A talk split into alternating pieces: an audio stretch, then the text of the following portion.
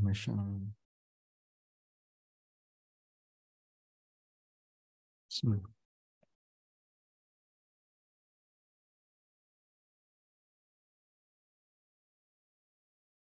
Ya.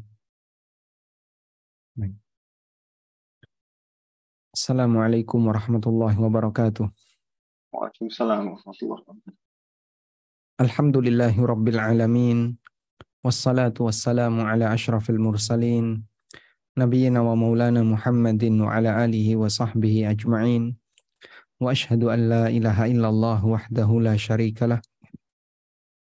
Wa ashhadu anna Muhammadan abduhu wa rasuluh sallallahu alaihi wa ala alihi wa sahbihi wa man tabi'ahum bi ihsanin ila yaumiddin. Alhamdulillah, puji syukur kita aturkan kehadirat Allah di malam ini untuk waktu Yogyakarta dan sekitarnya. Kita kembali bisa menyelenggarakan kajian rutin dengan membaca buku Fikih Muyassar yang diselenggarakan oleh Rumah Dakwah London. Dan insya Allah di kesempatan kali ini kita akan berbicara tentang fikih masalah takziah. Baik, kita akan tampilkan keterangan yang disebutkan dalam kitab Fikih Muyassar. Musanif menyebutkan as al-mas'alatut tasi'ah. Pembahasan yang ke-9. At-ta'ziyatu tentang takziah hukmuha wa kaifiyatuha mengenai hukumnya dan tata caranya. At-ta'ziyah adalah tasliyatul musab wa taqwiyatuhu ala tahammuli musibatihi. Menghibur orang yang sedang mendapatkan musibah. Tasliyah, menghibur orang yang sedang mendapatkan musibah. Dan menguatkannya untuk bersabar ketika dia mendapatkan musibah. Fatudhkaru lahul ad'iyah wal adhkar al-waridah fi fadilatis sabri wal ihtisab. Sehingga diingatkan kepadanya tentang al-ad'iyah, doa-doa, serta zikir-zikir al-waridah yang diriwayatkan atau zikir-zikir yang ada fi fadilatis sabri berkaitan dengan keutamaan sabar dan al-ihtisab. Al-ihtisab adalah mengharapkan pahala dari Allah Subhanahu wa taala. Jadi kunci yang membedakan antara mukmin kunci yang membedakan antara mukmin dengan kafir ketika dapat musibah adalah adanya ihtisab. Sedangkan orang kafir tidak ada ihtisab. Dua-duanya sangat mungkin untuk mendapatkan musibah ketika di dunia. Namun yang membedakan antara mukmin dan kafir ketika dapat musibah adalah bahwa mukmin bisa ihtisab sedangkan orang kafir tidak ada ihtisab. Sebagaimana yang Allah Subhanahu wa taala firmankan dalam Al-Qur'an, "Wala tahinu fi ibtigha'il qaum in takunu ta'lamun fa innahum ya'lamuna kama ta'lamun." In takunu ta'lamun, kalau kalian mengalami sakit, fa innahum ya'lamuna kama ta'lamun. Maka orang kafir juga sakit sebagaimana yang kalian alami, sebagaimana kalian sakit. Kalau kalian mengalami musibah, orang kafir juga mengalami musibah sebagaimana yang kalian alami. Tapi ada yang beda. Wa tarjuna minallahi ma la yarjun. Kalian punya harapan di sisi Allah yang itu tidak dimiliki oleh orang-orang kafir. Ini ada di surat An-Nisa ayat 104. Wa tarjuna minallahi ma la yarjun. Firman Allah Ta'ala di surat An-Nisa ayat 104. Allah Subhanahu wa taala sebutkan kalian punya harapan di sisi Allah yang tidak dimiliki oleh orang-orang kafir. Sehingga saat sakit kita sakit, mereka juga sakit. Kita bisa mengalami kecelakaan, mereka juga bisa mengalami kecelakaan. Kita dapat musibah, mereka juga dapat musibah. Bedanya, kita punya harapan di sisi Allah yang tidak dimiliki oleh orang kafir. Itulah yang dimaksud dengan ihtisab. Saat orang mendapatkan musibah dari Allah Subhanahu wa taala, ada suasana dalam batinnya bahwa saat ini saya sedang dapat musibah. Saat ini saya sedang mendapatkan pahala. Dan itu yang akan bisa menguatkan orang untuk makin bersabar. Sehingga dengan ihtisab, dengan ihtisab, maka orang akan semakin bersabar. Baik. Karena itu ketika kita takziah, maka salah satu di antara nasihat yang kita berikan adalah nasihat ihtisab. Ya. Semoga Allah memberikan ketabahan bagi bapak, Semoga Allah memberikan ketabahan bagi ibu. Jangan berlebihan dalam bersedih. Karena insya Allah ini semuanya ada pahalanya. Musibah yang saat ini Anda alami tidak sia-sia. Akan ada pahalanya. Sehingga kita besarkan hatinya dengan kita ingatkan bahwasanya musibah yang Anda alami saat ini ada pahalanya. Wa tushra'u ta'ziyatu ahli mayyit bima yukhaffifu anhum min masabihim. Dan disyariatkan untuk bertakziah kepada keluarga mayit dengan sesuatu membawa sesuatu yang bisa meringankan musibah mereka. Wa yahmiluhum 'ala ridha was sabr. Mengajak mereka untuk ridha dan sabar terhadap ketetapan Allah bima thabata anhu sallallahu alaihi wasallam in kana ya'lamuhu wa yastahdiruhu dengan kalimat yang pernah disampaikan oleh Nabi sallallahu alaihi wasallam dalam riwayat yang sahih in kana ya'lamuhu kalau orang itu tahu wa yastahdiruhu dan bisa ingat dengan kalimat itu yaitu dengan menggunakan kalimat anna lillahi ma akhadha walahu ma'ata wa kullu syai'in indahu bi ajalin musamma. Fal tasbir wal tahtasib. Kalau bisa pakai kalimat ini silahkan. Wa illa dan kalaupun tidak pakai kalimat seperti itu, fa bima lahu minal kalamil hasan. Maka bisa menggunakan kalimat-kalimat baik alladhi yuhaqqiqul gharda yang bisa mewujudkan tujuan. Sehingga nggak harus pakai bahasa Arab, nggak harus, nggak harus pakai kalimat yang ada dalam dalil, tidak harus. Yang penting kan yang bersangkutan paham. Sehingga Pak doa takziah itu bagaimana? Bebas, fleksibel. Kalau mendoakan mayit memang ada teksnya. Maka kalau kita membahas tentang doa takziah, Jika bentuknya adalah mendoakan mayit, maka kita ikuti teks. Kita ikuti teks yang ada. Tapi jika bentuknya adalah menenangkan keluarga mayit, menenangkan keluarga mayit. Nah, di sini ada dua kondisi. Yang pertama, bisa dengan kalimat dalam hadis. Bisa dengan kalimat dalam hadis. Inna lillahi ma'a'ta. Inna lillahi ma'akhadha. Walahu ma'a'ta. Wa kullu syai'in ila ajalin musamma. Faltasbir wal tahtasib. Ini jika bisa dipahami.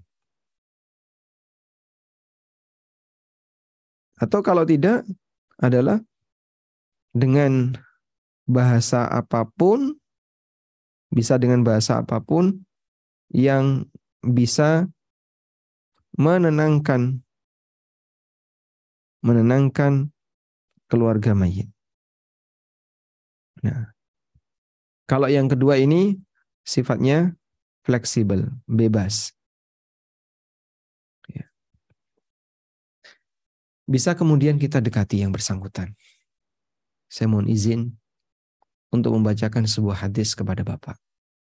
Nabi Shallallahu Alaihi Wasallam bersabda, "Ma min muslimin yusibu min wasabin wala nasabin wala hammin wala ghammin wala hammin hatta syaukata yushakuha illa kafarallahu biha khatayahu.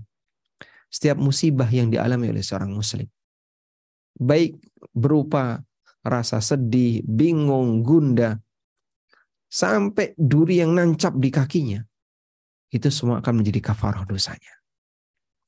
Sehingga dia dibacakan sebuah hadis dalam posisi ketika dia butuh untuk penguatan hati. Maka dalam hal ini bisa menggunakan bahasa apa pun yang penting menenangkan keluarga mayit. Baik. Selanjutnya, wala yukhalifu syar'a tapi tidak boleh menyalahi syariat ya. Misalnya dengan kalimat yang terlalu bombastis. Tenang saja ya. Anda nggak usah sedih. Nanti suami ibu atau istri bapak akan berada di surga bersama Nabi tertinggi masalah. Nah, dari mana dia tahu? Memastikan kayak gini tidak boleh ya. Sehingga ini menyalahi syariat. Fa'an Usama bin Zaidin Fa'an Usama bin Zaidin dari Usama bin Zaid. Qala beliau menceritakan. Kami pernah bersama Nabi sallallahu alaihi wasallam. Fa'arsalat ilaihi ihda banatihi. Lalu salah satu di antara putri beliau mengutus seseorang untuk menemui beliau. Tad'uhu wa tukhbiruhu anna sabiyan laha au ibnan laha fil mauti meminta kepada Nabi Shallallahu Alaihi Wasallam dan menyampaikan kepada beliau bahwa ada salah satu putranya fil mauti mau meninggal dunia dalam posisi sekarat. Dan yang dimaksud putri Nabi SAW yang mengutus seseorang untuk menemui Rasulullah SAW berkaitan dengan kejadian ini adalah Zainab bintu Muhammad Sallallahu Alaihi Wasallam. Faqala Rasulullah sallallahu alaihi wasallam maka Rasulullah SAW menyampaikan kepada utusan tadi, irji ilaiha fa'akhbirha. Silahkan sampaikan kepada beliau, anna lillahi ma akhadha wa lahu ma Apa pun yang diambil itu milik Allah. Dan apa pun yang dikasih juga milik Allah. Wa kullu syai'in indahu bi ajalin musamma dan semuanya ada batas waktunya yang telah ditetapkan. Famurhu fal tasbir wal tahtasib. Perintahkan dia untuk bersabar dan ihtisab. Jadi Nabi SAW tidak bergerak untuk menemui putrinya, tapi beliau perintahkan kepada utusan tadi untuk menyampaikan pesan ini. Wahada min ahsanil alfad al-warida fi ta'ziyah dan ini merupakan teks yang terbaik yang sahih dari Nabi SAW yang bisa dibaca ketika takziah.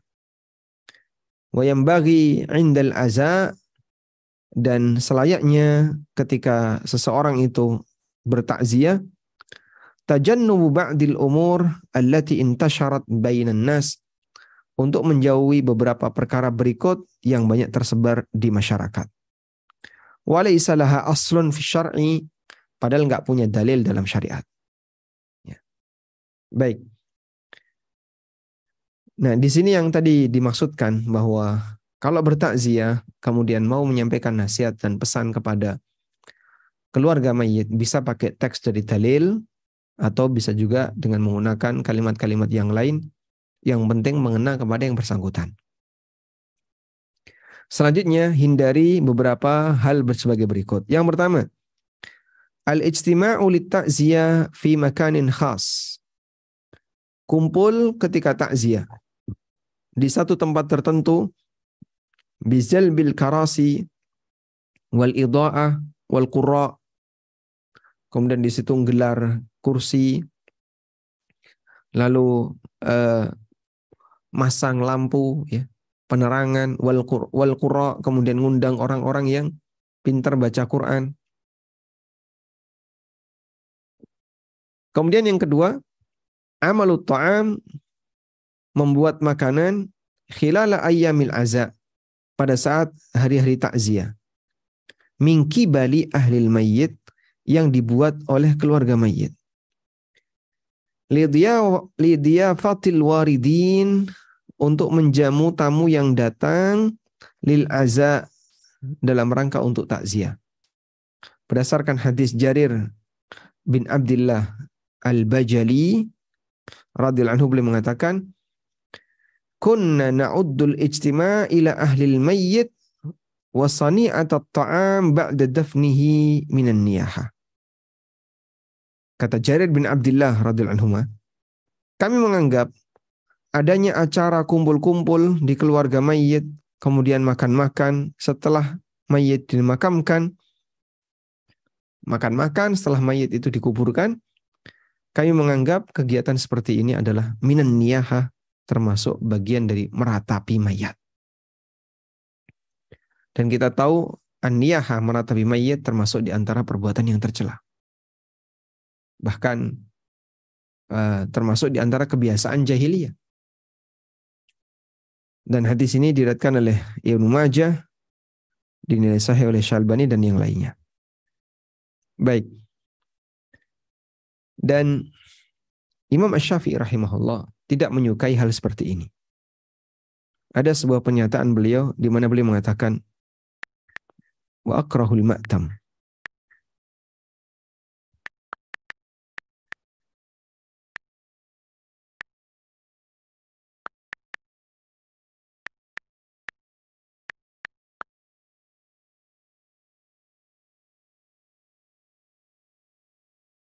Coba kita bukakan keterangan Asy-Syafi'i.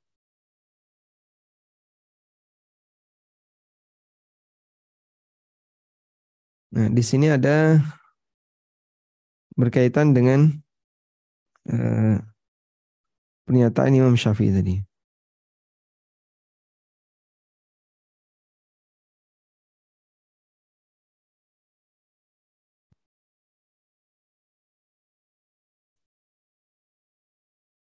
Kalamul ulama fil mas'alah. Keterangan para ulama berkaitan dengan masalah kumpul di rumah mayit, di rumah duka setelah pemakaman untuk acara makan-makan. Qala Syafi'i, kata Imam Syafi'i dalam kitabnya Al-Um dan kitab Al-Um adalah kitab yang beliau tulis pasca beliau pindah ke Mesir. Sehingga kitab ini merupakan representasi yang mewakili kaul jadid, pendapat barunya Imam Syafi'i. Beliau mengatakan wa akrahul ma'tam dan aku membenci praktek ma'tam. Apa itu ma'tam? Wahiyal jamaah. Dan yang dimaksud ma'tam adalah berkumpul. Illam yakun laha illam yakun lahum buka. Walaupun di situ tidak ada kegiatan tangisan fa inna dzalika yujaddidul huzna. Itu sesungguhnya adalah mengenang kesedihan wa yukalliful mu'nah dan membebani biaya yang harus dikeluarkan oleh keluarga mayit. Ini dalam kitab Al-Um. Wa qala nawawi kata An-Nawawi, wa ammal julusu ta'ziyah, adapun duduk dalam rangka untuk takziah di rumah jenazah. Fanas Syafi'i maka ditegaskan oleh Asy-Syafi'i wal musannif dan penulis kitab Al-Muhadzab. Ya, penulis kitab Al-Muhadzab. Khatib Asy-Syarbini. Wasairu al-ashab dan para ulama madhab syafi'iyah. Ala karahatihi statusnya adalah sesuatu yang dibenci. Dalam madhab syafi'iyah seperti ini karaha, sesuatu yang dibenci. Wa naqalahu Syekh Abu Hamid dan dinukil oleh Syekh Abu Hamid Al-Ghazali fi ta'liq wa akharun dan yang lainnya Anas Syafi'i dari pernyataan Imam Syafi'i qalu mereka mengatakan yakni bil julusilah yang dimaksud dengan duduk duduk-duduk di tempat jenazah adalah ayajtami'a ahlul mayyit fi baitihi fiyuqsidahum man arada ta'ziyah keluarga mayit mereka berkumpul di rumahnya. Kemudian uh, mereka mengundang orang-orang lain untuk yang ingin takziah. Qalu bal bagi ayan sarifu fi hawaijihim. Lalu mereka mengatakan seharusnya orang-orang itu ayan sarifu bubar ya.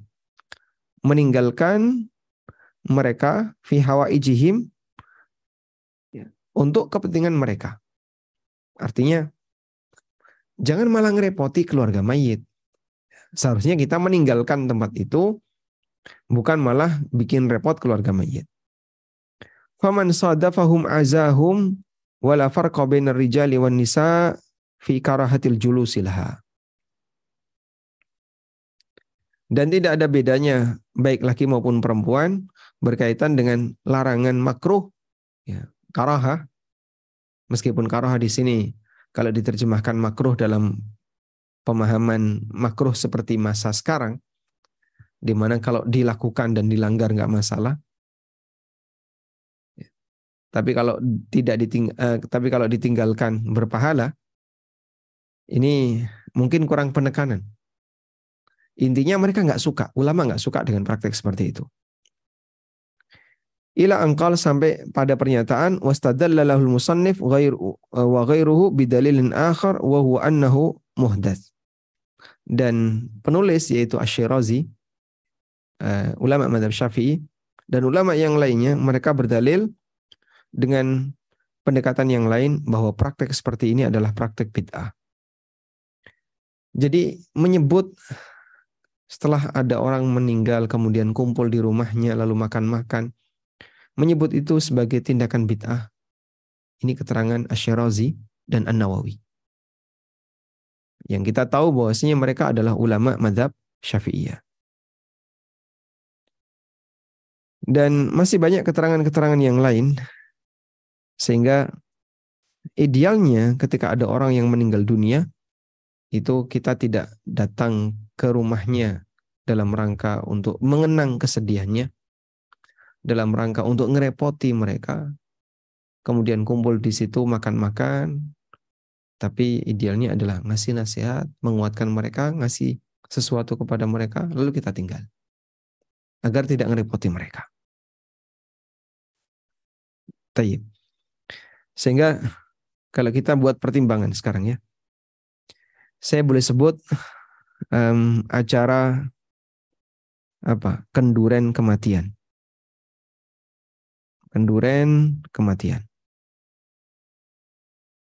kita paham bahwasanya seperti ini merupakan masalah yang sangat sensitif dan ini jadi titik boleh saya sebut titik perdebatan antara satu ormas dengan ormas yang lain antara satu kelompok dengan kelompok yang lain yang satu membela luar biasa dan yang satu menganggap bahasanya praktek ini seharusnya kita tinggalkan.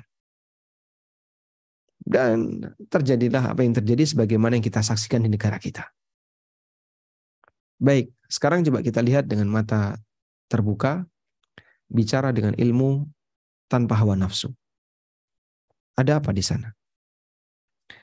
Kenduran kematian yang pertama melanggar keterangan dari sahabat Jarir bin Abdullah Al-Bajali.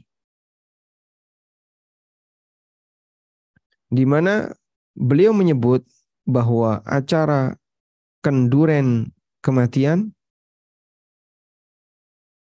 kata beliau Dulu kami menyebut kegiatan seperti ini adalah niyaha. Meratapi mayit. Termasuk di antara tindakan meratapi mayit. Dan meratapi mayit dalam Islam hukumnya dilarang. Yang kedua, bahwa praktek seperti ini dibenci para ulama.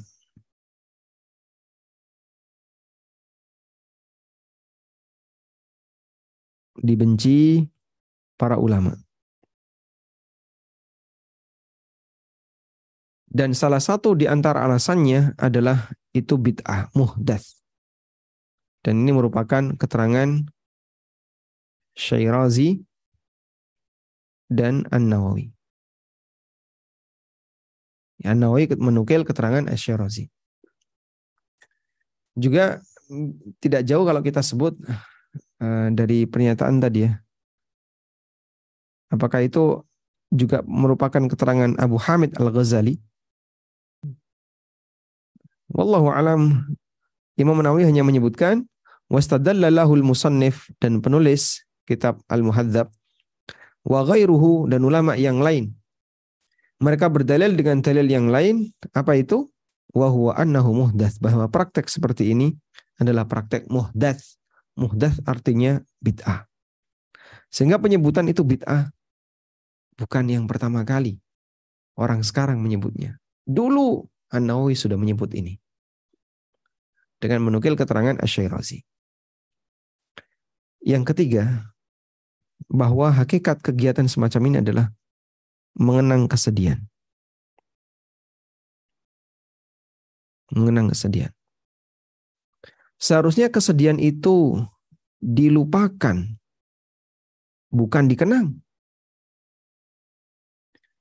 Ketika kita mendapatkan musibah, udahlah biarkan musibah, lupakan musibah, bukan dikenang.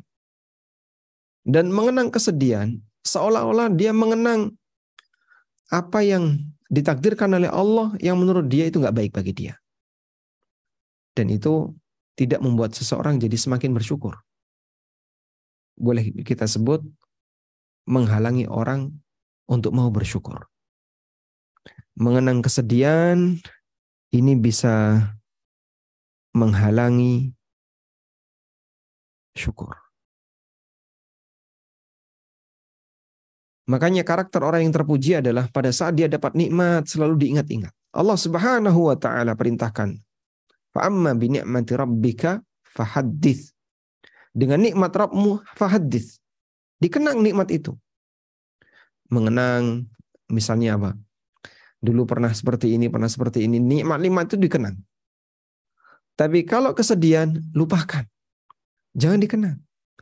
Kesedihan itu dilupakan, bukan dikenang. Kenapa nikmat selalu diingat? Untuk menumbuhkan rasa syukur. Kenapa kesedihan itu dilupakan?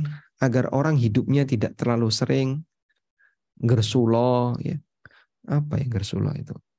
Uh, apa gersulo? Bahasa Indonesia. Berkeluh kesah. Berkeluh kesah ya. Isinya cuma berkeluh kesah dan seterusnya. Dan itu sebabnya Kenapa dalam syariat kita tidak pernah ada ajaran seperti ini? Maka terus terang kami itu kadang bingung ya. Kok belani itu luar biasa itu. Latar belakangnya apa? Kalau pakai latar belakang budaya, artinya tidak ada latar belakang agama, berarti kan urusan pribadi mereka. Namun nampaknya ini bukan sebatas latar belakang budaya. Unsur ideologinya itu ada di situ. Makanya pembelaannya luar biasa. Ada salah satu teman yang dia diperingatkan oleh ibunya, kamu jangan ikut kajian itu, kajian saya ya. Kemudian dia bilang, ibunya bilang, nanti kalau saya mati kayak kucing, kau nggak adain acara-acara kayak gini. Nah, akhirnya orangnya sampai ketakutan untuk ikut belajar bergabung dalam kajian kami. Karena larangan ibunya nanti kalau ibu mati kau sikapi kayak kucing. Nah itu salah satu di antara ungkapan yang cukup terkenal. Bagi masyarakat Jawa meninggal dunia kok tidak diadakan kenduren kematian itu dianggap seperti buang kucing. Matinya kok kayak kucing Terus jawabannya gimana? Nabimu disikapi seperti itu. Nabi Muhammad SAW ketika meninggal dunia nggak ada kedurian kematian. Terus apakah ada di antara kita yang akan komentar? Para sahabat menyikapi nabinya kayak kucing. Subhanallah. La haula wa la quwata illa billah. Dan banyak orang yang ketakutan itu dengan alasan demikian. Dan ini bukan alasan agama. Secara logika nggak masuk, dan secara syar'i nggak masuk juga. Pakai alasan apa? Itu alasan perasaan. Maka dia ketakutan karena hanya masalah perasaan. Nanti kalau saya mati, nggak ada acara kenduran kayak gitu. Kayak kok saya kok rasanya kayak kucing. La haula wala quwata billah. La haula wala quwata illa billah. Anda itu dihormati, dimuliakan Seperti apa bentuk pemuliaannya? Anda dimandikan, dikafani, disolati, dimakamkan sesuai sunnah Nabi Shallallahu Alaihi Wasallam, didoakan tiap hari tanpa putus, meskipun nggak ada acara khusus. Dan itu bukan menyikapi manusia layaknya kucing. Kucing nggak disolati. Kucing nggak dikafani. Tapi Pak nggak ada acara khusus kayak gitu. Nabi Musa SAW juga demikian ketika beliau meninggal dunia. Tidak ada acara khusus. Demikian pula para sahabat nggak ada acara khusus. Dan mereka sepakat, ini nggak ada dalilnya. Makanya kalau tadi dinyatakan oleh Ash-Shirazi, An-Nawawi, menukil qal musannif wastadalla al-musannif wa ghairuhu penulis kitab Al-Muhadzab ya, coba kita lihat ya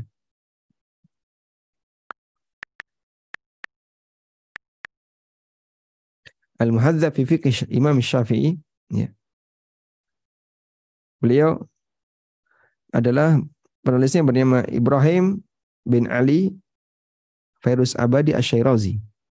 Hmm. Abu Ishaq Asyirazi. Dan ini termasuk salah satu di antara uh, kitab referensi dalam madhab syafi'iyah yang diberi penjelasan oleh An-Nawawi dan menjadi buku Syarhul Muhadzab Al-Majmu' Syarhul Muhadzab. Baik. Ketika ulama Asyirazi, ulama Syafi'i Asyirazi, An-Nawawi dan yang lainnya menyebut itu praktek bid'ah. Dan ulama-ulama yang lain sepakat bahwasanya ini tidak ada dalilnya. Maka jika orang menggunakan alasan dengan pendekatan agama, itu nggak masuk. Nggak bisa diterima. Karena dari generasi ke generasi itu tidak pernah dijumpai. Imam Syafi'i menolak hal itu. Dan beliau mengatakan wa akrahul ma'tam dan aku membenci praktek ma'tam yaitu kumpul di rumah jenazah kemudian ada acara makan-makan meskipun tidak ada kegiatan tangisan. Lebih dari itu sebenarnya kita tidak melakukan demikian agar tidak mengenang kesedihan. Namun seolah-olah ini yang jadi batas al-wala wal bara. Dalam kenyataannya bahwa kenduren kematian itu menjadi standar al-wala wal bara. Teman dan bukan teman. Bahasa lainnya, kalau mungkin saya bahasakan lebih kasar ya, teman dan musuh. Itu kan al-wala wal bara. Standar wala wal bara antara teman dan musuh. Ikut kenduren kematian teman walaupun nggak jumatan.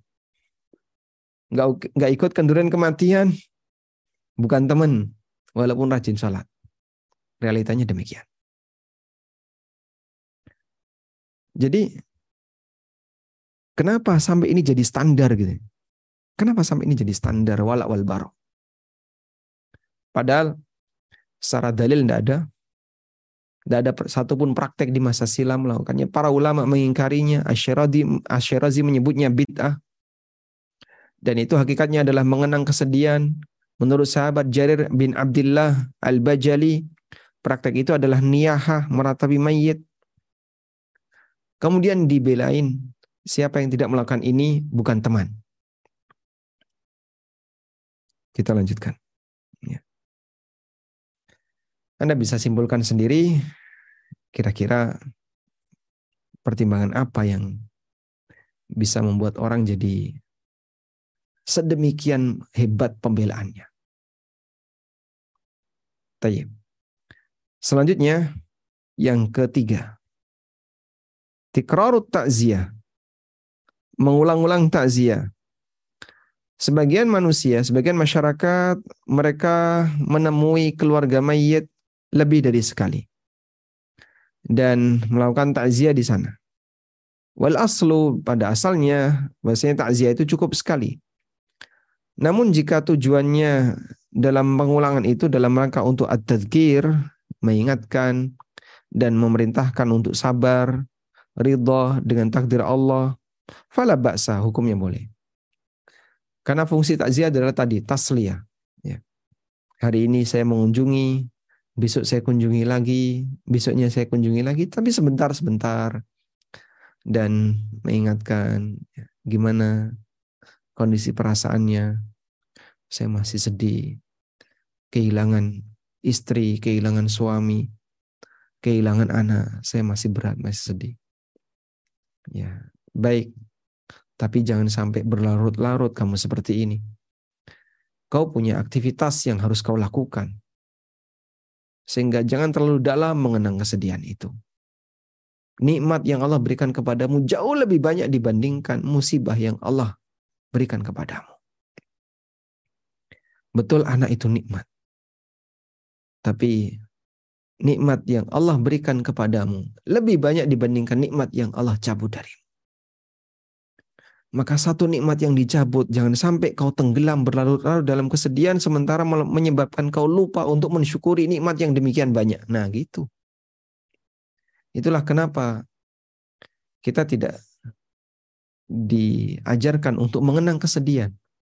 Agar tidak larut dalam kesedihan itu sehingga melupakan kita untuk banyak mensyukuri nikmat Allah yang lainnya. Wa amma in kana tikraruha li ghairi hadzal qasdi.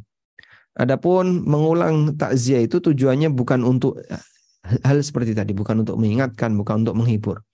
Fala yang bagi maka tidak selayaknya untuk dilakukan. Karena ini tidak dikerjakan oleh Nabi Shallallahu Alaihi Wasallam dan para sahabatnya.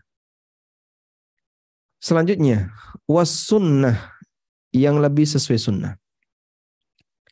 Ayak mala ul mayyit para kerabat dekat mayit untuk melakukan aktivitas, demikian pula tetangga-tetangganya dengan membuatkan makanan bagi keluarga mayit.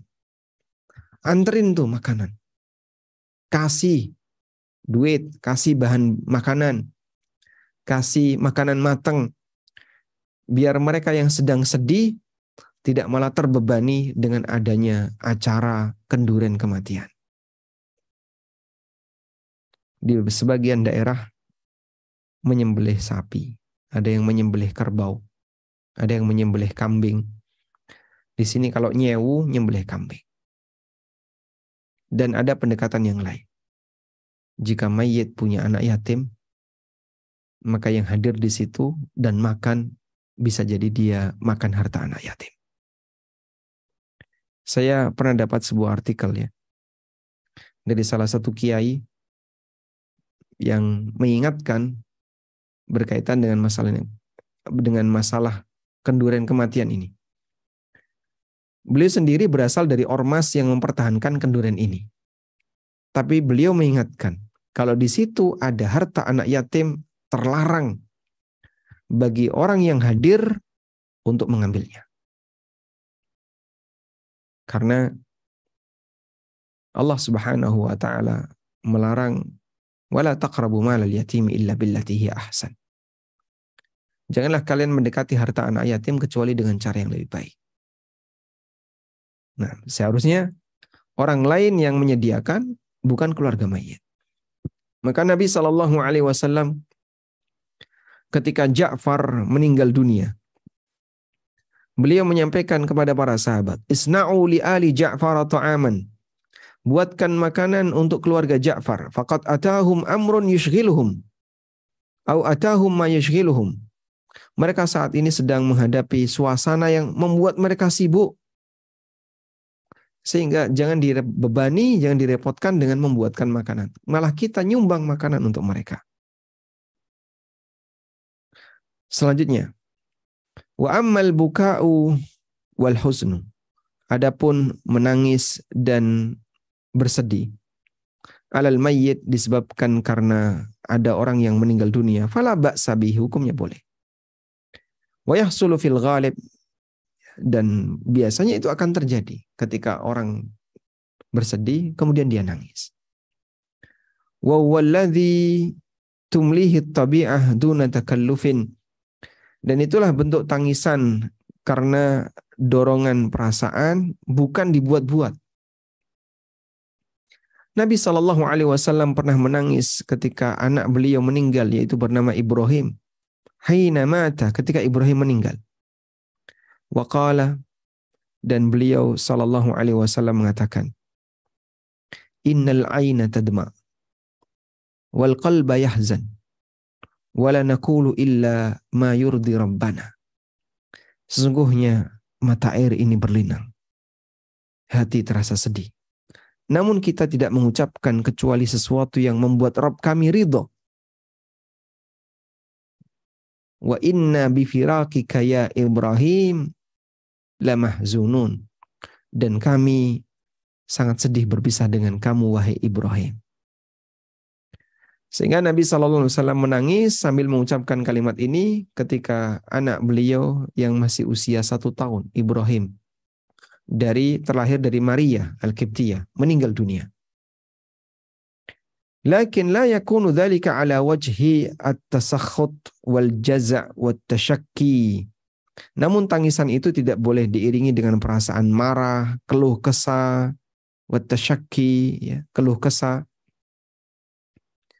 sehingga nggak boleh dia nangis sambil emosi. Bahkan terkadang ada yang sampai mengatakan, kenapa Allah takdirkan aku seperti ini? Gak adil. La haula wala quwata illa billah. Subhanallah. Dia menisbahkan sifat tidak adil untuk Allah. Padahal Allah dat yang maha adil. Al-adlul hakam. Allah dat yang maha adil, yang maha bijaksana. Tapi ada orang yang sampai mengucapkan kalimat Allah tidak adil gara-gara suaminya meninggal. Lalu si ibu ini karena merasa dia janda, memikirkan beban hidup dia dan anak-anaknya. Dia lihat tetangga-tetangganya. Mereka masih punya suami, suaminya masih muda, produktif. Sementara dia tidak punya tempat untuk nyender. Karena suaminya telah dicabut oleh Allah di usia 30-an tahun atau 40-an tahun. Komentar Allah nggak adil. Dan haram untuk melakukan niyaha dan memukul-mukul badan. Darbal hudud, menampar-nampar pipi. Syakal juyub, atau menarik-narik kerah baju. Ditarik. Orang kalau marah kan bajunya ada yang ditarik, sakunya ditarik, tampar-tampar pipi, gulung-gulung. Saya pernah lihat ada orang yang nangis seperti itu. Nangis sambil gulung-gulung jambak-jambak rambut. Likaulihi sallallahu alaihi wasallam berdasarkan sabda Nabi sallallahu alaihi wasallam laisa minna man latamal khudud bukan bagian dari kami orang yang menampar pipi wa syaqqal juyub dan menarik-narik baju wada'a bida'wal jahiliyah dan meneriakkan kalimat-kalimat jahiliyah. Apa sih kalimat jahiliyah? Ya wailah, ya suburah, wa ma ashbahu dzalika atau yang semacamnya. Ya kalau bahasa kita Bapak, Bapak adalah tempat kami, untuk bersandar. Siapa nanti yang akan ngasih nafkah ke kami? Gimana nanti hidup kami, Pak? Kalau tanpa Bapak gimana? Ya. Hidup kami hanya bisa bergantung kepada Bapak. Dan kalimat-kalimat seperti itu. Gaya orang jahiliyah.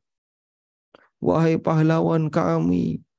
Wahai tempat sandaran hidup kami. Tanpa kau kami nggak bisa hidup. Dan kalimat ini berbahaya sekali.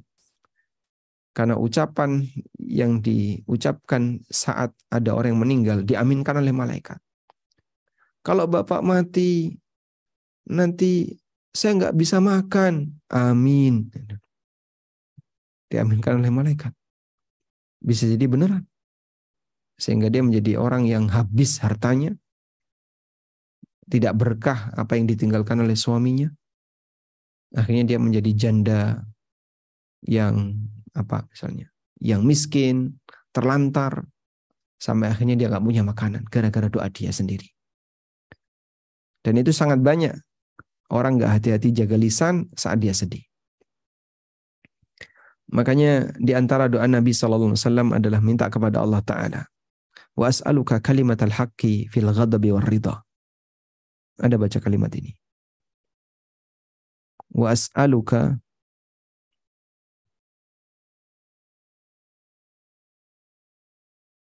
kalimat al-haqqi fil ghadabi war ridha.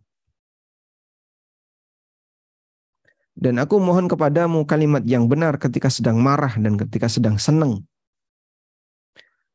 Termasuk juga ketika lagi sedih yang mendalam. Itu kalau nggak dibimbing lisannya keterucut, ngomongnya nggak karuan. Sehingga sampai seperti yang dinyatakan Nabi SAW, wada'a bida'wal jahiliyah, dia meneriakkan kalimat-kalimat jahiliyah, ya waila, ya tubura, celakalah aku kalau bapak mati. Diaminkan malaikat. Amin. Celaka benar dia.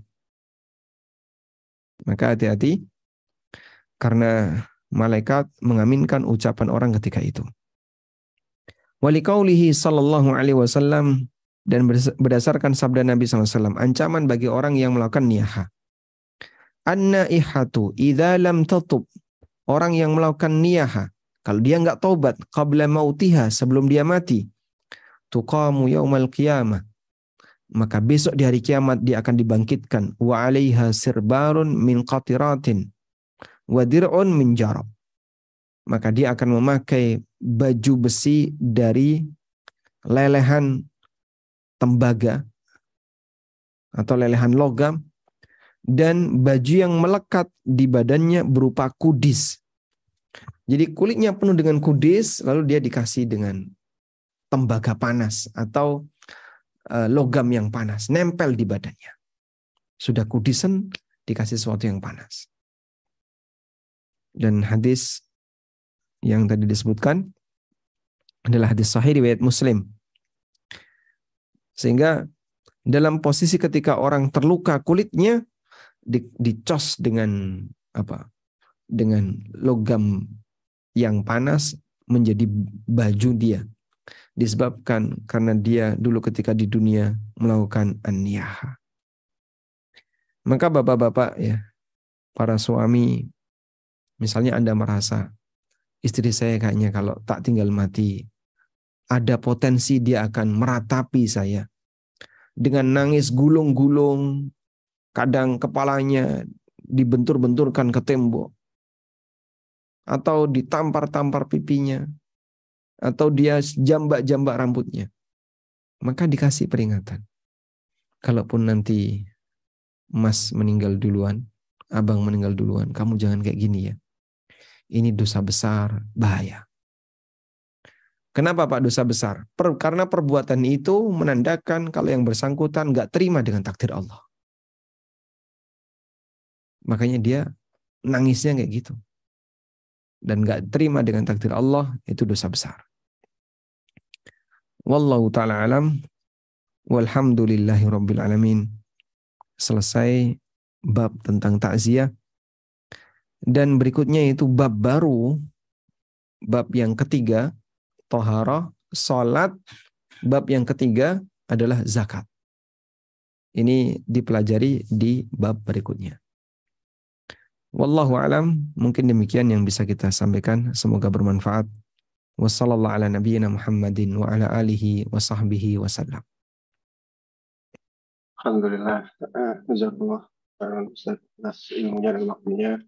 Uh, ini ada beberapa yang sudah memasukkan pertanyaan. Uh, kira-kira sampai jam berapa nih Ustaz? Ini jam 7 menit sebelum jam 9 nih waktu Indonesia bagian Barat. Baik, silahkan secukupnya Pak. Hmm. Secukupnya, baik. Saya mulai dari pertanyaan pertama. Bismillah. Bismillahirrahmanirrahim. Assalamualaikum Ustaz. Uh, sejauh apa yang bisa kita lakukan jika yang meninggal bukan Muslim? Bagaimana adat kita pada saat bertakziah yang sebaiknya? Ya. Berkaitan dengan takziah uh, untuk orang kafir, ada khilaf di antara para ulama. Coba. Saya bacakan keterangan di sini ya.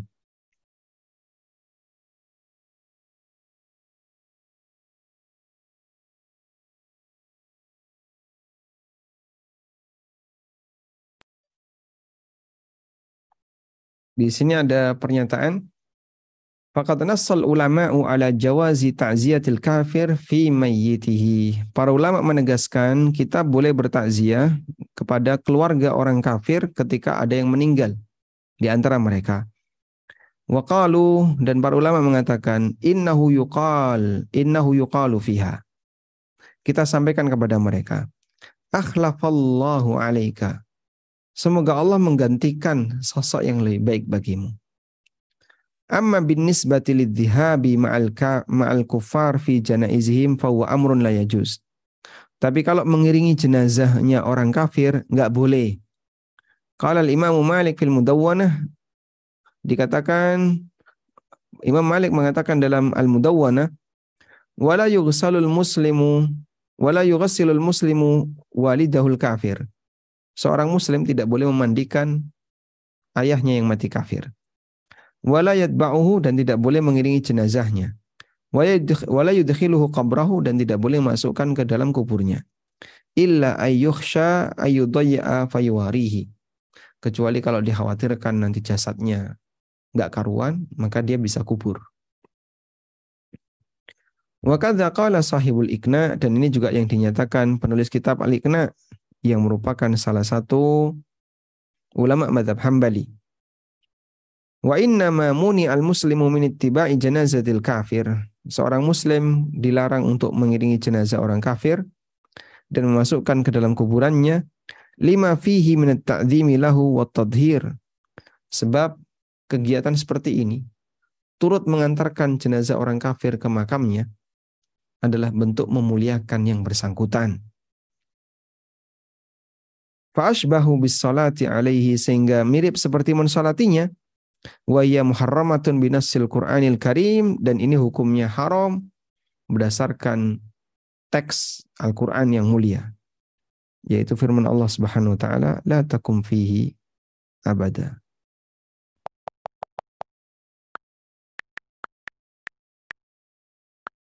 Nah. atau kalimat ini ya. Wala takum ala qabrihi.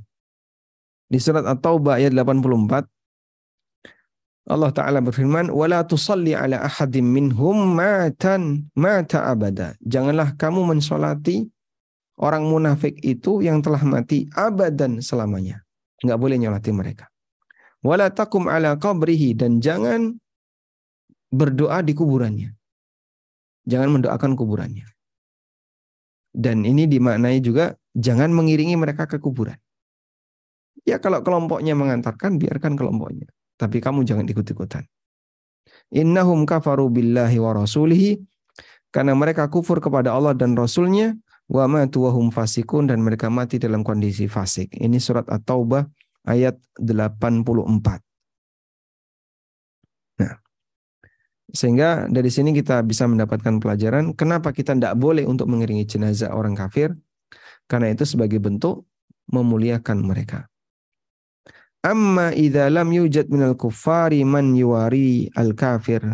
Adapun jika tidak dijumpai adanya orang kafir yang mau memakamkan jenazah kafir ini, fayushra'u lil muslim maka disyariatkan bagi seorang muslim ketika itu ayyuwarihi untuk menguburnya.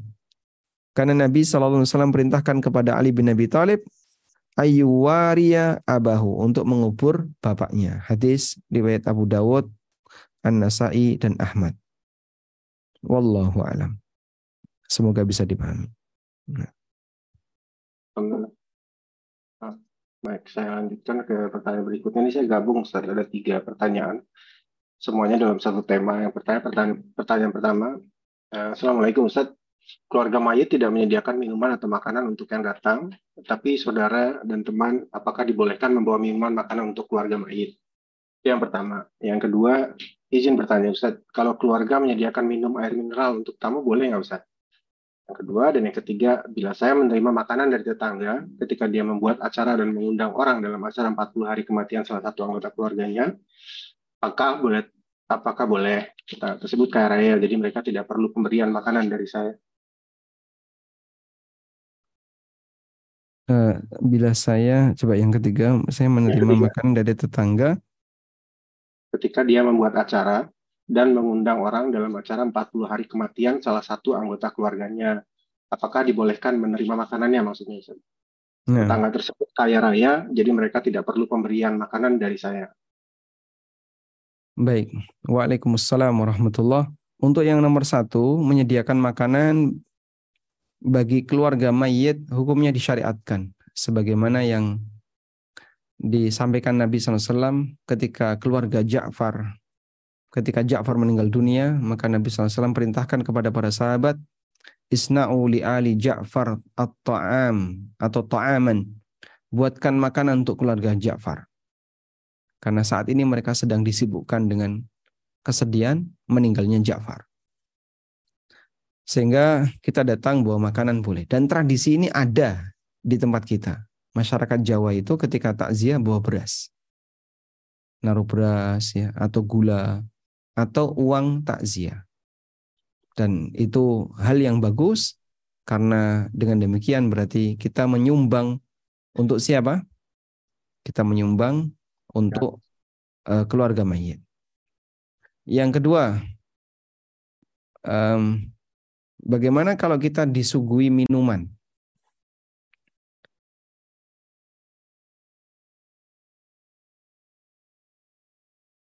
Ada yang beralasan begini, kita dengan bertamu. Kita ini kan bertamu. Jadi kalau dikasih makanan dan minuman ya seharusnya diterima. Itu haknya tamu. Maka saya tambahkan di sini yang keempat, barangkali sekaligus sebagai renungan tentang masalah kenduren kematian. Bedakan antara bertamu dengan takziah.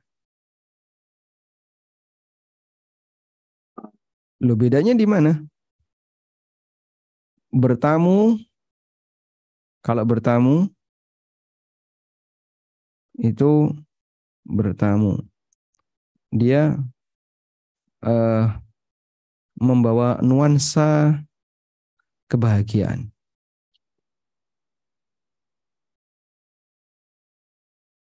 Nuansanya nuansa kebahagiaan. Sedangkan takziah kalau takziah ini nuansa kesedihan. Bagaimana kok bisa disamakan? Sehingga orang ini datang untuk takziah bukan datang untuk bertamu. Kalau bertamu nuansanya nuansa kebahagiaan. Seperti uh, acara walimah nikah, acara lebaran, acara syukuran, dan seterusnya. Yang kamu lakukan ini apa? Takziah. Oh, takziah itu bukan bertamu karena suasana adalah suasana kesedihan. Maka kalau disebut bertamu keliru. Oh, ini kan hak tamu. Dikasih makan, dikasih sarung, kasih apa lagi? Ya. Terus kalau itu bertamu, kenapa harinya tertentu? 40 hari, 7 hari, dan seterusnya. Geser boleh nggak? Oh, nggak bisa Pak, harus di hari itu. Dan adanya penetapan hari itu menunjukkan kalau ini dilandasi oleh keyakinan, ideologi tertentu. Maka yang jadi pertanyaan adalah, kok bisa muncul ideologi itu? Islam nggak pernah mengajarkan. Nabi SAW nggak pernah melakukan. Para sahabat juga demikian. Dan diingkari oleh para ulama madhab syafi'iyah. Wallahu alam. Ada lagi Pak? Yang tadi ya, yang tadi yang ketiga kalau menerima makanan dari keluarga yang sedang mengadakan acara 40 harian ini, bolehkah diterima dan dikonsumsi? Kalau sebatas menerima pemberian, kita berhak untuk menerima pemberian dari siapa pun ya. Selama itu halal. Nah, yang menjadi pertanyaan adalah bagaimana kalau kita menerima pemberian dari acara yang tidak sesuai syariat? Selama pemberian itu statusnya adalah harta yang halal, maka boleh kita terima. Meskipun acaranya tidak sesuai syariat. Sehingga dulu para sahabat sebagiannya menerima hadiah dari orang majusi pada saat hari raya mereka. Dan Nabi SAW tidak menolaknya, tidak melarangnya. Sehingga sebatas menerima hadiah, hukumnya boleh. Oleh karena itu, kalau Anda diberi seperti ini, dan Anda terima, boleh nggak dimakan? Silahkan dimakan. Wallahu a'lam. Alhamdulillah. Uh, masih ada waktu, Ustaz? Silakan. Baik, ini uh, Mbak Tati, saya persilakan, silakan di unmute Assalamualaikum, Ustaz Waalaikumsalam warahmatullahi Silakan, Bu. Uh, ini masalah yang sangat uh, saya gemetar karena saya tinggal di Inggris dan semua kakak ipar saya sudah tua-tua. Mereka semua orang Katolik. Hmm. Sangat dekat, sangat dekat. Dan sistemnya di sini sesudah orang meninggal kan ada undertaker. Jadi kita tidak ikut memandikan, tidak ada ceritanya orang memandikan keluarga dan sudah diurus. Rumah sakit. ya? sama undertaker namanya. Hmm. Jadi kita itu hanya membawa mayat dari undertaker tempatnya mayat itu yang sudah dimandikan, dibersihkan, dipakai, dipakai ke gereja biasanya. Dari gereja situ mungkin ada acara-acara eh, banyak acara yang eh, bagaimana karena kalau orang sudah meninggal kan acaranya semua bagus-bagus kata-katanya bagus-bagus itu biasa diadakan di gereja sebelum hmm. dimakamkan. Sesudah itu kita bawa ke makam. Nah mereka sangat dekat dengan saya. Jadi bagaimana cara saya? Harus memberitahu sekarang bahwa saya tidak boleh karena bukan yang mati masalahnya yang masih hidup itu akan sangat membenci saya kalau saya tidak ikut eh, apa-apa dan saya tidak bisa ikut karena peraturan ini gitu. Hmm sistem bagaimana atau cara bagaimana yang membuat mereka saya merasa tidak menjahati mereka karena agama saya. Karena agama saya tidak boleh menyadarkan mereka saya tidak boleh. Bagaimana Ustaz nasihatnya? Masya Allah. Saya kira ini tidak lebih lebih ringan dibandingkan tantangan bagi mereka yang tinggal di tanah air, kemudian terjadi perbedaan pendapat dalam satu keluarga berkaitan dengan kendurian kematian. Nah, itu bisa sampai tegang antara saudara dengan saudaranya yang lain, kakak adik, dengan pamannya, dan seterusnya. Baik, um, memang masalah takziah ini atau masalah jenazah itu jadi titik ketegangan di antara masyarakat. Terus bagaimana sikap kita? Kalau materi insya Allah kita sudah punya. Dan tadi Bapak Ibu sudah mendengarkan materi kajian yang kita sampaikan. Nah, selanjutnya kan bagaimana cara kita bersikap? Bagaimana cara kita bersikap? Setiap sikap mengandung konsekuensi. Dan belum tentu konsekuensi itu um, menyenangkan bagi kita. Sehingga saya bersikap A, nanti akan ada konsekuensinya. Saya bersikap B, akan ada konsekuensinya. Tapi saya harus menjaga aturan agama ini. Di sini nggak boleh. Selanjutnya bagaimana memberikan pengertian kepada mereka? Anda bisa coba lakukan pendekatan bahwa saya dan Anda adalah teman. Tapi kalau dalam kegiatan keagamaan, mohon maaf kami tidak bisa mengikuti. Karena agama saya beda dengan kamu dan bagian dari acara keagamaan adalah acara ngerukti kematian atau acara resepsi kematian yang kalian lakukan. Nah, sehingga mereka ketika mengantarkan jenazahnya, kok Anda nggak datang, nggak dicari, Alhamdulillah. Nanti setelah diantarkan jenazahnya, ibu bisa datang ke rumah keluarga jenazah, kemudian berakrab dengan mereka, silahkan. Tapi pas prosesi itu, kita tidak ikut. Pasca itu Anda datang dan bertakziah kepada mereka, ngasih sesuatu ke mereka silahkan. Sehingga pengertian ini bisa disampaikan sejak dini, sampaikan bahwa saya saya uh, memahami prinsip dalam agama saya untuk urusan agama itu kita tidak boleh ikut campur.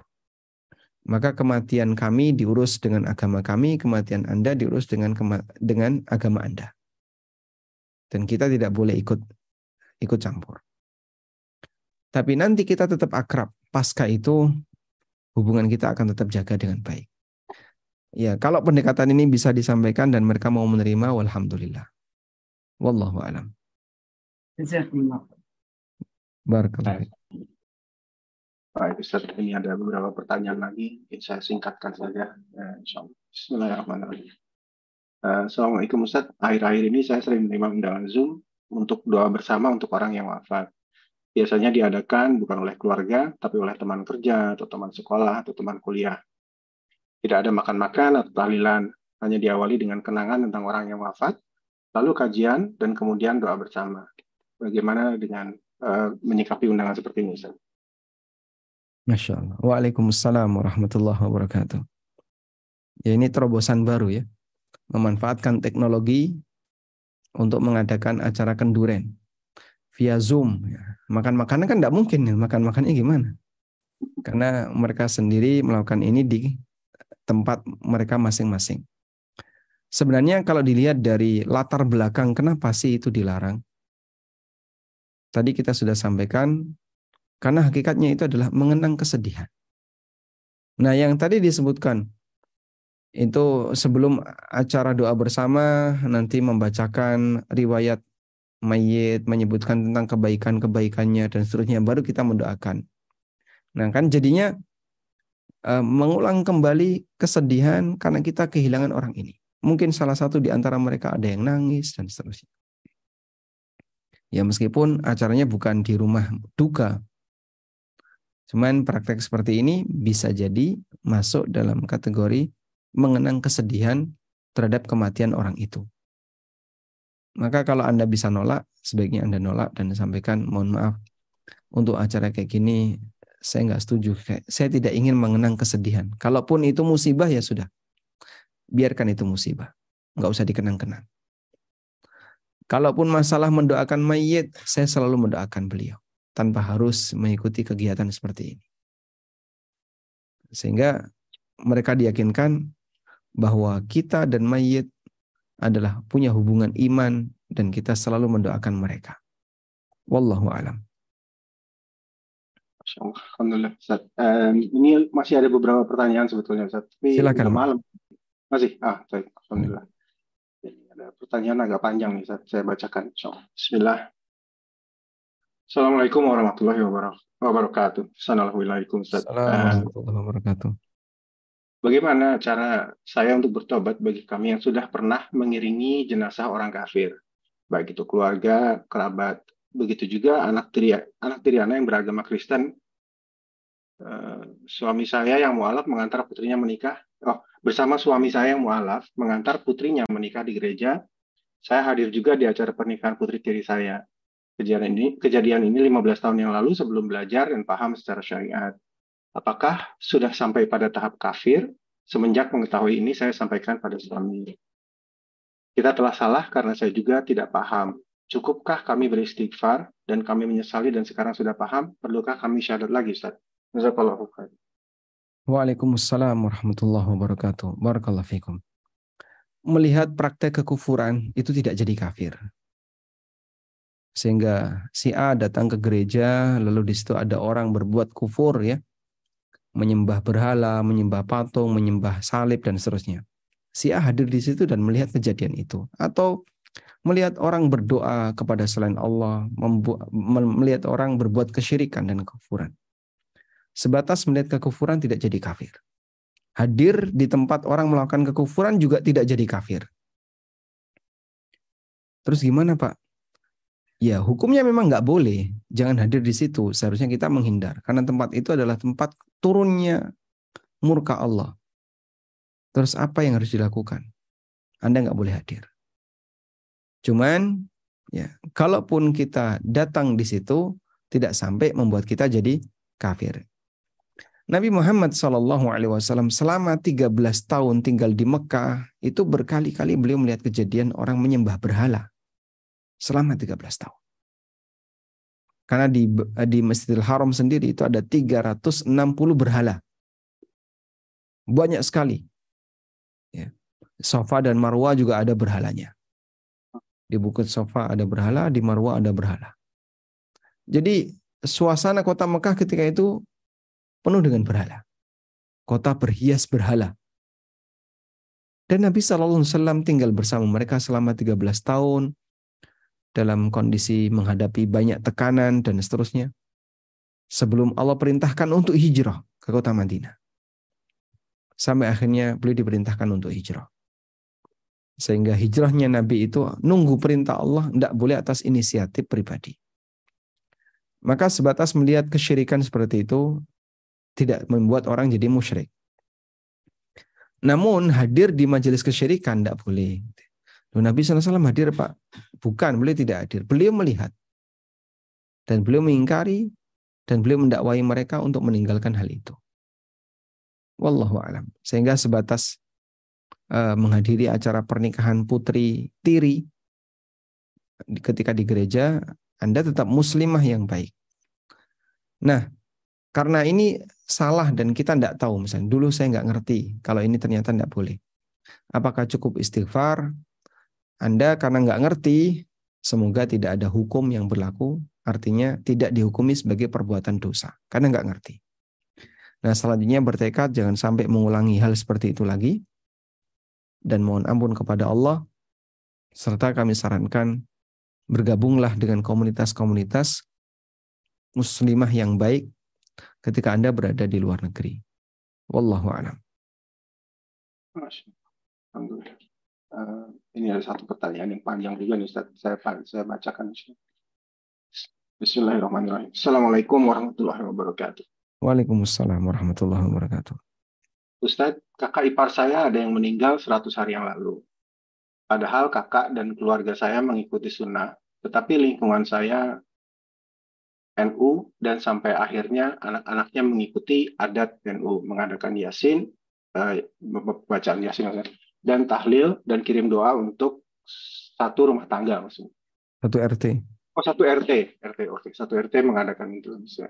Sebagai ucapan terima kasih dan kehadirannya, anak-anaknya menjamu makan dan minum dan berkat yang dibawa pulang dan berkat serta makanan yang didangkan tersebut dimasakkan sama tetangga satu RT dan uangnya diganti anak kakak saya almarhum tersebut. Dan saudara saya yang lain tidak hadir di acara tersebut dengan alasan waktunya pengajian di kelompoknya. Bagaimana menyikapi dengan lingkungan yang sudah biasa mengadakan yasinan dan tahlilan dan kirim doa tersebut, Ustaz? Saya juga sering dapat undangan dari tetangga RT untuk kirim doa 40 hari, 100 hari, dan sebagainya. Tapi saya tidak pernah hadir. Saya juga khawatir kelak kalau saya meninggal, tetangga rumah tetangga RT yang akan masak-masak untuk mereka yang telah gali kubur dan para takziah serta baca yasin, tahlil dan kirim doa di hari ke-1, 7 dan sebagainya. Syukur atas jawabannya Ustaz. Assalamualaikum warahmatullahi wabarakatuh. Waalaikumsalam warahmatullahi wabarakatuh. Ya inilah uh, bagian dari apa tantangan bagi kita. Kita sebut ini challenge ya, tantangan memberikan edukasi kepada masyarakat tentang ini. Dan ya memang masyarakat menghendaki itu ada. Meskipun edukasi sudah tersampaikan. Mohon maaf ada pengalaman beberapa pengalaman yang agak pahit ya yang pernah uh, apa terjadi di lingkungan sekitar kami.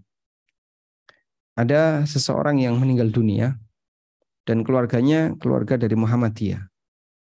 Akhirnya keluarga sepakat tidak menyelenggarakan acara yasinan dan tahlilan tadi. Sehingga malam pertama, jadi sorenya dimakamkan, pemakamannya sore. Masuk maghrib, malam pertama, keluarga nggak ada kegiatan apa pun. Nggak menyediakan tikar, nggak gelar tikar, nggak menyediakan makanan. Tiba-tiba datang warga dipimpin oleh Pak Kaum di kampung itu.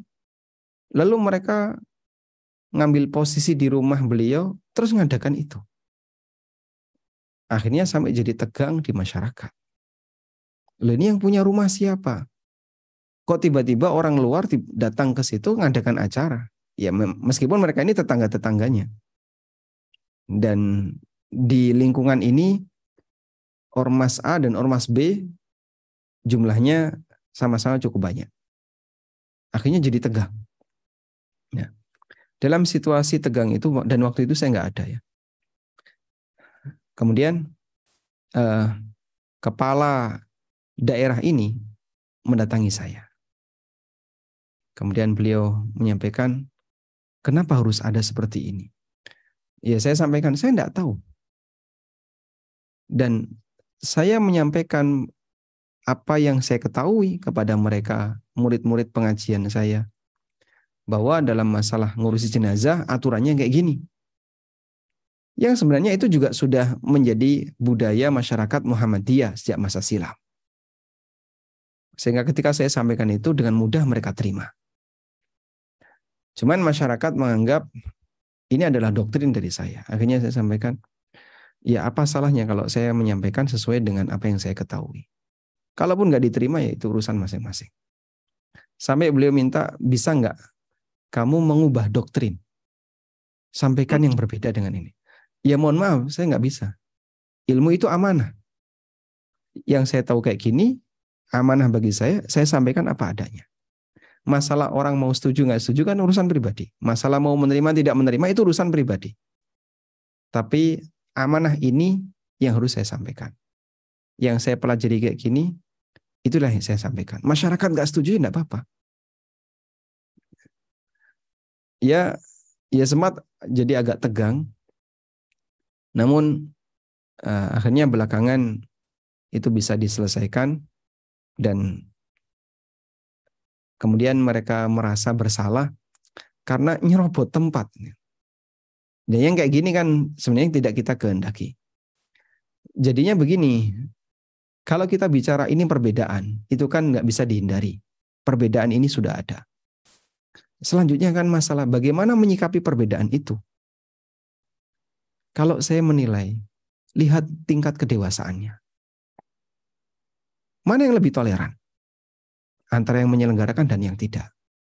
Banyak kasus yang tidak ikut, kadang dikucilkan, kadang dianggap ini, kadang dianggap ini. Jadi aneh kita. Gak ikut kenapa harus dipaksa? Kenapa harus dikucilkan? Atau tidak menyelenggarakan. Kenapa harus sampai ada kejadian tadi? Kemudian didatangi rumahnya, kayak digeruduk. Datangi rumahnya, kemudian udahlah pokoknya kita adakan di sini. Lupa mereka punya hak untuk tidak menyelenggarakan.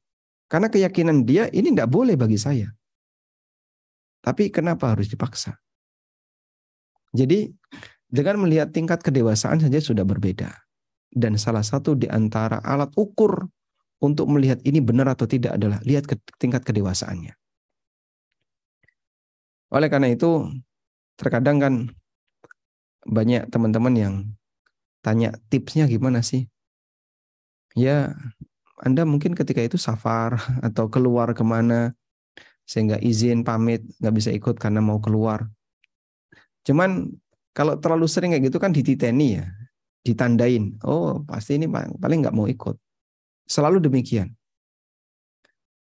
Tapi perlu sabar. Insya Allah lambat laun nanti mereka akan membuat kesimpulan kita memang beda. Titik itu perjuangan terakhir. Kita memang beda. Dan akhirnya Alhamdulillah kampung tadi mulai timbul kesadaran demikian. Sehingga kalau ada kayak gitu, yang nggak mau melakukan nggak diundang. Dan nggak dicari. Oh beliau nggak ikut. Ya sudah nggak ikut. Memang, memang beda kok. Sehingga yang mau ikut silakan ikut, yang nggak ikut ya silakan nggak ikut. Itu kondisi terakhir yang saat ini ada di kampung tersebut. Sehingga um, bagi yang nggak ikut, nggak dicari, sudah nggak lagi jadi bahan omongan karena mereka sudah paham ini beda. Nah, kedewasaan itu yang ingin kita bangun. Minimal di titik, itu ya. Maka kalau Bapak barangkali um, merasa berat, kok tiba-tiba ada kayak gini, ada kayak gini ya Anda bersabar. Nanti akan ada pada satu titik kesimpulan kita memang beda. Seperti kunut dan tidak kunut itu ya. Kok itu kunut enggak kunut? Ya sudah kita memang beda kok. Masing-masing punya keyakinan yang dia bawa. Sehingga bagi si A kunut itu harus dilakukan, bagi si B tidak harus dilakukan. Silahkan dilakukan masing-masing. Wallahu a'lam. Alhamdulillah, Uh, mohon maaf nih Ustaz, saya pertanyaan dari saya ini boleh Ustaz satu. Ini dari pertanyaan jamaah yang sedikit. Saya ada menyangkut ini Ustaz. Sebetulnya ini cerita nyata, kisah nyata, tapi saya menggunakan kiasan aja Ustaz supaya menutupi nama dan seandainya ini saya nih Ustaz, sebelum sebelum saya meninggal nih, katakanlah saya bilang sama anak-anak saya, nanti kalau saya meninggal, tolong dibuatkan tahlilan. Tapi anak-anak saya sudah belajar sunnah nih ceritanya. Jadi tidak mau lagi mengadakan tahlilan.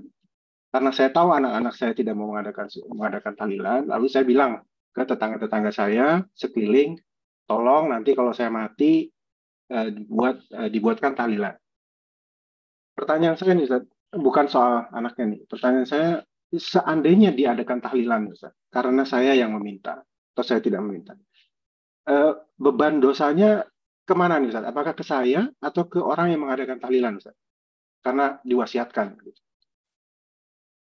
Nabi Shallallahu Alaihi Wasallam pernah bersabda, Innal mayyita la yu'adzabu bibuka'il hayyi alaih. Sesungguhnya mayat itu disiksa disebabkan karena tangisan orang yang hidup yang menangisi kematiannya. Pelakunya yang hidup, tapi yang mati disiksa.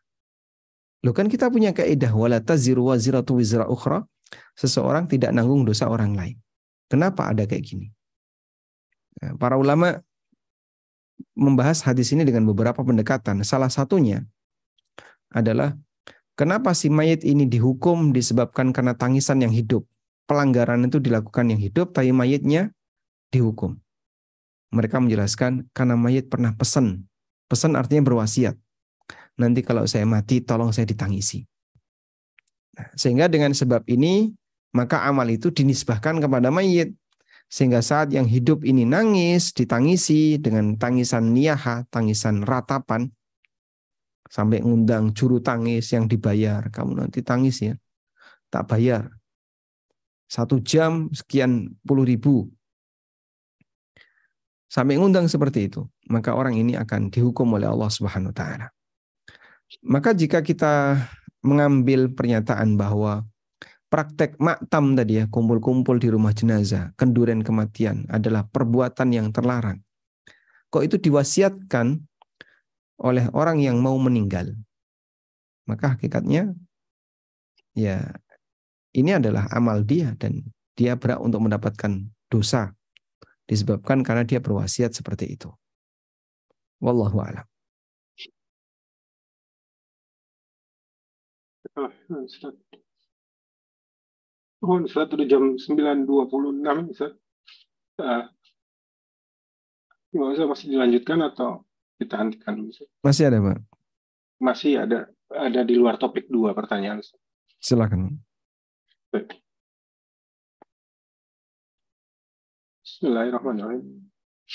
Ya, Ustaz. Afwan Ustaz izin bertanya di luar topik. Adik saya melihat almarhum suami duduk di kursi ketika saya tidak berada di rumah dan tidak ada orang lain. Apakah apakah mungkin itu roh almarhum suami meninggal lebih dari satu tahun yang lalu atau jin Ustaz? Ya. Coba kita baca ayat ini. Allah Subhanahu wa taala berfirman.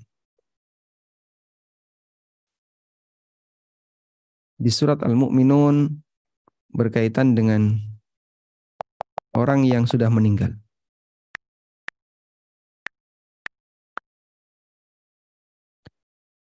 Allah Ta'ala berfirman, Hatta idha ja'a ahadahumul mautu.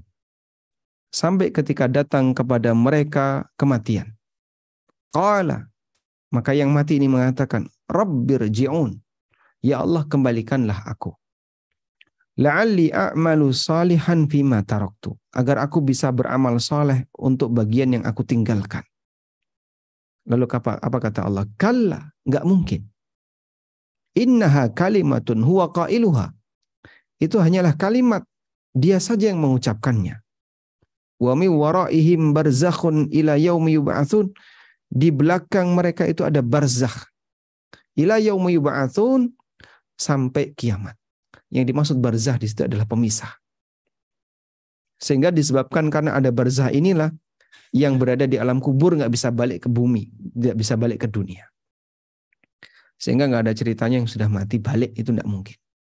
Mustahil. Dan itu berdasarkan nas Al-Quran. Andaikan orang yang mati itu balik, baik rohnya maupun dia balik bersama jasadnya dan roh itu kan tidak kelihatan. Arwah itu nggak kelihatan. Kita saja yang punya arwah nggak bisa melihat arwah kita, apalagi orang lain. Mereka nggak bisa melihat roh kita. Sehingga nggak ada ceritanya. Orang bisa melihat roh ketika dicabut itu tidak mungkin. Nggak ada ceritanya. Hanya film saja yang membayangkan roh itu seperti terbang, kemudian dia gentayang itu cuma film ya. Realitanya nggak mungkin. Pemilik roh nggak bisa lihat rohnya. Saya punya roh. Dan saya tidak bisa melihat roh saya itu kayak gimana. Apalagi orang lain. Udah? Maka roh itu nggak mungkin bisa balik. Jasadnya di kuburan nggak mungkin dia balik. Terus apa itu jin?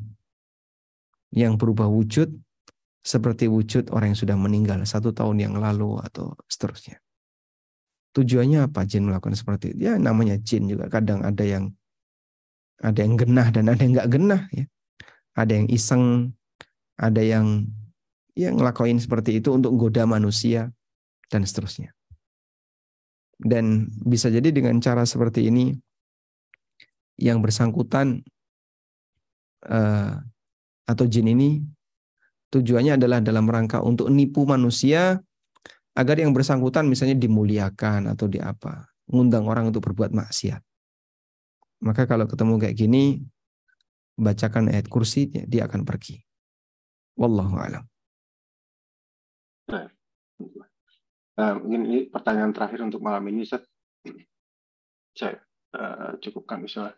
Assalamualaikum, uh, Pak Ustadz mohon bertanya. Kalau ada seorang istri masih muda, uh, ditinggal oleh suami dengan dua anak masih kecil-kecil, istri bekerja, apakah istri istri tersebut ke depannya sebaiknya menikah lagi, atau lebih baik tidak menikah lagi dengan dua anak-anak masih kecil, dengan dua anak-anak masih kecil?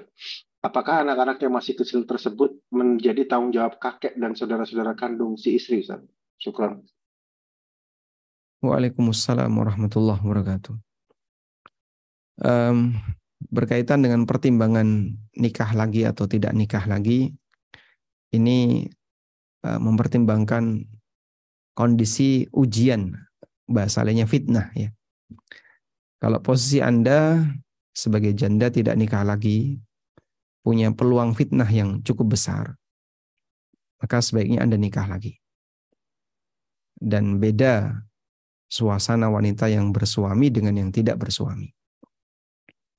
Namun kalau sekiranya Anda merasa enggak insya Allah saya tetap bisa bertahan dengan baik, dengan tidak nikah lagi enggak masalah, silakan Anda bertahan tidak nikah lagi.